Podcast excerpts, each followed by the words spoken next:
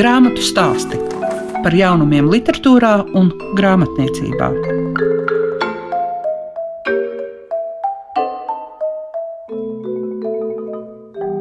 Savu skanējumu sāk grāmatu stāsti. Kopā ar jums, kā parasti, Liega Piešiņa. Un šīs dienas raidījumā jūs dzirdēsiet no Rīgstena. Viņai iznācis viņas jaunākais romāns Vodens mirdzēšana, kā arī uzzināsim, kas tad ir Lalegabas mūža balvas šī gada laureāti. Grāmatu stāsti tiem, kam grāmatu lasīšana ir vērtība. Šīs dienas grāmatas stāstos es uzrunāju no Rīgstena, jo 30. martā ir iznākusi viņas jaunākā, tā vien šķiet, ka 21. grāmata, kā acīte, ūdens mirdzēšana. Mēs atrodamies arī pavisam netālu no Daugavas. Vai tu domā, ka ūdens mirdzēšana pārvērtīsies par metaforu? Tāpat kā daudzi iepriekšējie romānu nosaukumi. Ne, nu, pirmkārt, ūdens mirdzēšana ir ļoti skaists dabas fenomens, ko es esmu iesākumā bieži novērojusi šeit pat Daugavā, Ikšķilē. Pirms Ķīnas mēra laikā vai ērā ļoti daudz ceļojot pa pasauli apkārt, es vienmēr esmu par šo fenomenu aizdomājusies, kas tas ir ūdens mirdzēšana. Jūrā tas ir tik ļoti skaisti upēs un kā ir jākrīt saules gaismai vienā brīdī, kaut kā jāsaslēdzās ar to ūdens virsmu, lai tu šo fenomenu redzi. Nu, jā, un tad, kad es sāku pamazām domāt par savu jauno grāmatu, ir pagājuši vairāk kā pieci gadi kopš mātes piena, un pa vidu ir bijuši priecīgi piedzīvojumi kopā ar mākslinieku Aivaru Vilipsonu. Grāmatu laukā man neizgāja no galvas ūdens mirdzēšana. Vai tā kļūs par metaforu vai nekļūs, to es nezinu. Arī nezinu, kā tā grāmata tiks uzņemta, bet tas ir tik skaists dabas fenomens, kas dzīvos mūžīgi. Man pašai tas ir tāds liels solis ceļā tālāk, jo likās, ka pēc mātes piena jau vairs neko. Kaut gan es atceros, ka tad, kad es uzrakstīju dzīves svinēšanu, pirms vairāk kā 20 gadiem, literatūras zinātnieks Viestures Vecgrāvs man teica, nu, tagad jau vairs neko. Vodens mirdzēšana ir ļoti atšķirīga no mātes piena. Cik tev bija svarīgi izsakot savas sajūtas un savu rakstnieces vārdu un domu, mainīt formu? Varbūt eh, mani lasītāji un tāpat arī literatūras kritiķi ir pamanījuši, ka es necenšos pati sevi atdarināt savā grāmatās. Es kā ar katru grāmatu meklēju kaut kādu absolūti jaunu ceļu, un, protams, esmu dabūjusi arī punus, teiksim, attiecībā par amorfu, kur es meklēju pilnīgi citu pieejamību. No nu, ar tiem puniem es jau tā kā būtu apradusi, jo es esmu šauts vilks un esmu dabūjusi daudz gan pasaulīgas slavas slavas, gan pašmāju dunku. Un man pašai priekš sevis ir nozīmīgi, ka es esmu atradusi jaunu izteiksmes formu ūdens mirdzēšanā, un ka tā ir pavisam cita veida grāmata. Jā, savā ziņā ļoti tieši un konkrēts, detalizēts Marijas ceļojums pa pasauli. Tas ir lielākoties mūsdienas. Īsnībā tas ir arī Ķīnas mēra laika valodas bērns mans, jo es sāku rakstīt to grāmatu 2000. 20. gada janvārī Valencijā, Spānijā, kur es biju kopā ar sev tuvām draudzenēm. Tad nekāda pandēmija vispār nebija pie apvāršņu. Mēs bijām brīnišķīgajā Valencijā un apelsīnu koki uz ielām. Tāda surreāla sajūta. Īstenībā es uzrakstīju pirmo fragment ūdens mirdzēšanai lidmašīnā no Rīgas uz Valenciju mākoņos.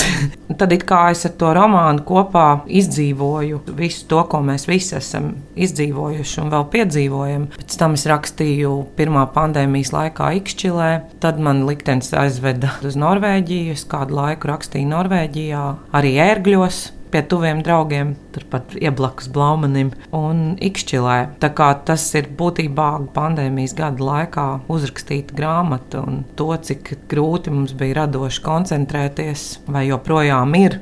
Teiksim tā, tā ir varbūt uh, šīs izolācijas un šīs jaunās situācijas skarta grāmata. Tā ir grāmata par to, ka ir kaut kas daudz vairāk kā mūsu ieslēgtība konkrētā situācijā, kā būtībā mums ir jāpaskatās sevi dziļi iekšā un, un jāpaskatās tā ūdens mirdzēšana, jāmēģina ieraudzīt. Jo daba jau pastāv pati par sevi. To jau mēs esam piedzīvojuši šajā laikā, kā mēs jūkam prātā. Bet dabā jau viss notiek. Saula lec un riet, putni dzied un ūdens mirdz. Tev ir ne tikai Marija, kur ceļo telpā, laikā, kura pārdzīvo un piedzīvo. Tev ir arī tāds tēls kā acis. Jā, tu jau sākumā teici, kad ir acīte. Iespējams, 21. bet varbūt lielāks skaits, bet paliksim pie acītes. Jā. jā, man it kā man gribējās kaut kādu vērotāju, tādu dažkārt pasīvu vērotāju, dažkārt tādu, kas varbūt to Mariju aizved kaut kur vienā vai otrā virzienā, palīdz viņai, dažkārt uzliek šķēršļus. Dažkārt parāda to, ka Marijai tikai liekas, ka viņa kaut ko nosaka, bet īstenībā viss ir nejaušība vai viss jau ir noteikts. Un tad es domāju, jā, kāpēc tā nebūtu acis? Es nedomāju, ka tā ir kaut kāda dievišķa acis. Tas ir acis, kas skatās no citādiem skatu punktiem, jo tā ir putna acis vai kaķa acis vai Vai tā pati acīte, vai acošana, vai nezinu, skaidra redzes, vai aizmiglota redzes, kad acu skats ir apmiglojies, gandrīz aklums, vai redzēt tieši un skaidri, vai izlīst caur adatas aci. Ar vienmēr sakot, tie ir tie dažādie acu skatu punkti, jo tas, ko redz mūsu cilvēciskā acis, tas ir tikai viens skatu punkts. Mēs taču nezinām, kā mūs redz mūsu suņi kā mēs izskatāmies mūsu kaķiem. Mēs redzam putnus, kā putni mūs redz. Mēs taču to nezinām. Mēs tikai domājam, ka mums ir vienīgā un pareizā redzes uz šo pasauli. Mums ir tāda, kāda tā ir, bet ir vēl daudz citu skatu punktu. Laikā, kad mums ir bail, bail par daudz ko, kad mēs esam apjukuši. Īsnībā laikā, kas tagad, kad notiek mūsu saruna, kad mums ir vairāk mēs domājam par ciešanu laiku, Attiecībā uz tavu grāmatu, ūdens mirdzēšanu, tev ir milzīga pieredze ar visu to, bet no kā tev ir visvairāk bail tagad, kad tā nonāk pie lasītājiem? Man nav bail par uh, grāmatu. Es uh, tāpat kā mēs visi cīnos ar sevi. Es nezinu, man par grāmatu ir tāda sajūta, ka es uzrakstīju to, kas man bija jāuzraksta, un um, man jau ir diezgan, lai neteiktu vairāk, man ir Man ir milzīga ne tikai Latvijas, bet pasaules literatūras teiksim, tā, vērtīšanas mašīnas pieredze. Es esmu gājusi cauri tādiem viļņiem, un tādiem atvariem un tādos skaistos okeānos peldējusies, ka man nav nevienam neko pārmest. Jā, man tās bailes, kas ir, kas man liekas, visu šo laiku mūs vajā, tās ir mūsu iekšējās bailes tā ir nedrošība par to, kas notiks. Un īstenībā man liekas, ka cilvēkam tikt pāri savām bailēm, tas ir lielākais sasniegums. Un ar literatūru manā gadījumā tam ir un nav sakars. Jo tas, ka es varu uzrakstīt grāmatu, tas nav varbūt tikai mans panākums vai kaut kāds mans varoņdarbs. Tas ir kaut kas, kas man ir dots un vienkārši man tas ir jādara. Katrā gadījumā, ar katru minūti un katru dienu, kad tev izdodas pārvarēt iekšējās bailes, piemēram, pirms divām dienām, es biju pie jūras un, un es redzēju, kā aust saule un, un ka tur vēl veseli gulbju kāši pārlido. Un tādā brīdī tu sajūties laimīgs, ka tu dzīvo. Tad ir prieks. Grāmatu stāsti programmā Klasika. Pavisam, pavisam nesen mēs esam uzzinājuši arī Latvijas nominantus. Vēl kādu laiku sprīdi jāzina, kurš tad būs uzvarētājs gan bērnu, próza, dzējā, bet mēs zinām jau mūža balvas ieguvējus. Un šogad to es arī pati žūrijā, vai bija lielas diskusijas par to, kuram tad jāsaņem šogad tā mūža balva? Nu, jāteic, ka Latvijas žūrijā es esmu pirmo reizi savā rakstniecības mūžā, un tas bija ļoti interesants darbs. Vienkārši tāda fantastiska saspēle ar, ar kolēģiem, un man liekas, ka mums gāja ļoti labi, un man liekas, ka mūža balvas rezultāts šogad ir tiešām vienkārši izcils. Jo pirmkārt, tas ir Gunārs Bībers, kurš man liekas, ir tāda leģendāra personība, tik leģendārs vārds visiem, kas ir studējuši filozofijas fakultātē. Viņš ir tāds valodas maizes devējs tik daudziem latviešu literatūras skolotājiem, rakstniekiem, žurnālistiem. Viņš ir teicis, ka pienākumu pildīšana bez mīlestības pazemo, bet mīlestība bez pienākuma ir vēja ziets. Un man liekas, ka tas pilnībā attiecās uz Gunāru Bīberu pašu, jo viss viņa mūžs, visa viņa attieksme pret dzimto valodu ir rezultējusies tajā, ka ir veseliem simtiem cilvēku, kas ir studējuši latviešu valodu un literatūru. Viņiem Gunārs Bībers varētu teikt, ir atslēgas vārds. Un otra tāda milzīga cilvēciska kvalitāte profesoram ir, ka viņš ir ļoti vienkāršs un ļoti labsirdīgs. Tas salikums kopā, es domāju, tas ir mazākais, ko mēs varam izdarīt. Vienkārši noliekt galvu viņa priekšā un pateikt paldies un piešķirt viņam mūža balvu. Kāda ir tava personīgā pieredze ar viņu?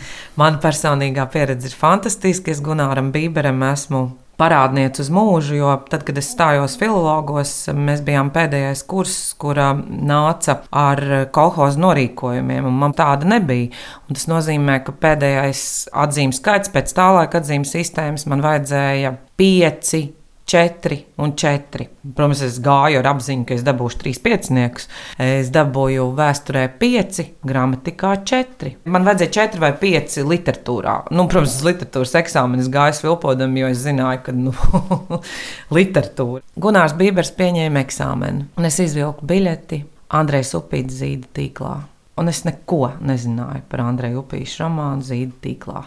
Es nezinu, kas ar maniem notika līdz brīdim, kad mani Gunārs Bībers piesauca, lai atbildētu. Es viņam teicu, es jums pateikšu, godīgi, es neesmu lasījusi to grāmatu. Un viņš caururbjoši manī skatījās un teica, nu tad parunāsim par literatūru. Un tad es, 17-gadīgs skuķis, runāju ar profesoru Gunāru Bīberu par literatūru. Un rezultātā viņš man ielika pieci. Kas ir otra mūža balvas ieguvēja? Nu, par otru mūža balvas ieguvēju Lalita Mūžnieci man vispār tā grūti bez emocijām runāt, jo viņa ir arī man ļoti tuvs draugs. Bet Lalita ienāca trimdas dzējā ar krājumu pēdas. Teodors Zeltiņš reiz teica par viņu, ka viņas dzēja ir kā klusināta mākoņu gaisma, un ka šajā gaismā ir viegli mest šo paudžu laipu. Un izrādās, ka viss Lalitas mūžs arī ir bijuši šī tilta mešana pār paudžu laipu un starp divām valstīm. Viņa ir kalpojusi valodai, Amerikas trimdā, ieguldījusi sevi tālāk dzēniecē, savā meitā sarmā mužniecē un savu dzīves draugu Valžu Liepiņa piemiņas stipendijā. Lalitas mužnieces attieksme pret latviešu valodu ir ļoti skaista, ļoti inteliģenta, ļoti klusināta, bet ļoti, ļoti spēcīga. Protams, tas, ka viņas ikgadējie ceļojumi, tagad viņi ir Latvijā, cauri Ņujorkai, kur viņi vienmēr piestāja uz laiku pabūt kopā ar savu valodas draugu Gunaru Saliņu, un pēc tam atgriežas meža parkā pie savām puķēm un pie valodas. Grāmatas stāstu turpinājumā paklausieties interviju ar Lalitu Mūžnieci. Grāmatu stāsti tiem, kam grāmatu lasīšana ir vērtība. Es esmu ciemos pie Lalitas mūžnieces, jo viņai ir grāmata ar nosaukumu Pēdas un Melita Rīgā. Tā grāmata mūs aizved uz 1974. gadu, arī vēl pirms tam uz 40. un tas laikam arī saistīts ar šo māju, kurā mēs esam, vai ne? Tas ir saistīts ar šo māju, jo pēdas vispār sākās šeit pašā dzīvoklī. Šajā dzīvoklī tur mazā dūda gulēja savā gultiņā. Pie tām durvīm, kur tu nāc iekšā, tur daudzījās ar kokiem. Ar, nu, es jau nezinu ar ko, bet nu, katrā ziņā liela troksni. Nu, jā, tad tur sākās pēdas. Ir kaut kā tā, ka tā vēsture atgriežas atmiņās, sajūtās. Nu, vide jau tagad ir pavisam savādāka. Nu, es būtībā neko daudz negriežos atpakaļ tajos laikos. Šis dzīvoklis ir tas pats, bet arī no otras puses nav jau tas pats. Nav jau tie cilvēki, nav ne tēva, ne mātes, ne, ne māsa arī tur nedzīvo vairāk. Un es tagad, tagad esmu šeit, šeit un tagad. Tad, kad tu uz desmit dienām atbrauci mm. uz Latviju, tu jau zināji, ka tu rakstīsi grāmatu? Nē. Nē, es nekādā ziņā nezināju, es neko nezināju. Un tas bija laiks, kad, lai vispār tiktu uz Latviju, tev bija nu, vispirms jādabū kaut kāda vīza, tev bija jāsarakstās ar padomu vēstniecību Amerikā, nu jādabū tās atļaujas. Nekad jau iepriekš nezināju, vai es par atļauju dabūs vai nedabūs. Nu, es zināju, ka tādas grupas tagad ir un ka tā var aizbraukt. Un otrs, ja galvenais iemesls bija, ka es tiešām gribēju atvest savus bērnus, jo viņi jau bija pusauģu vecumā, sarmē 14, zimtim 16 gadu. Un bija svarīgi, ka viņām Latvija kļūst kaut kas reāls. Un nevis tikai nostāsti, vecu ļaužu atmiņas. Un man bija svarīgi, ka viņi redz, kas tā Latvija ir. Un tad viņi var paši izvēlēties. Nu, tad viņi zina, vai viņi tur piederās, vai viņi tur nepiedarās. Bet nu, tad notika tā, ka viņiem abiem tas daudz ko nozīmēja. Mans 16-gadīgais dēls, kurš iztaigāja Rīga. Te ir šejienes jauniešiem, ko rada draugi. Tur tā parūpējās, lai viņiem būtu kāds ar ko staigāt no nu, ar savu vecumu cilvēkiem, lai viņiem arī šeit nebūtu jāpavada laiks ar, ar veciem cilvēkiem. Un tad Zins teica, Rīga ir maza, bet mīļa. Es domāju, jā.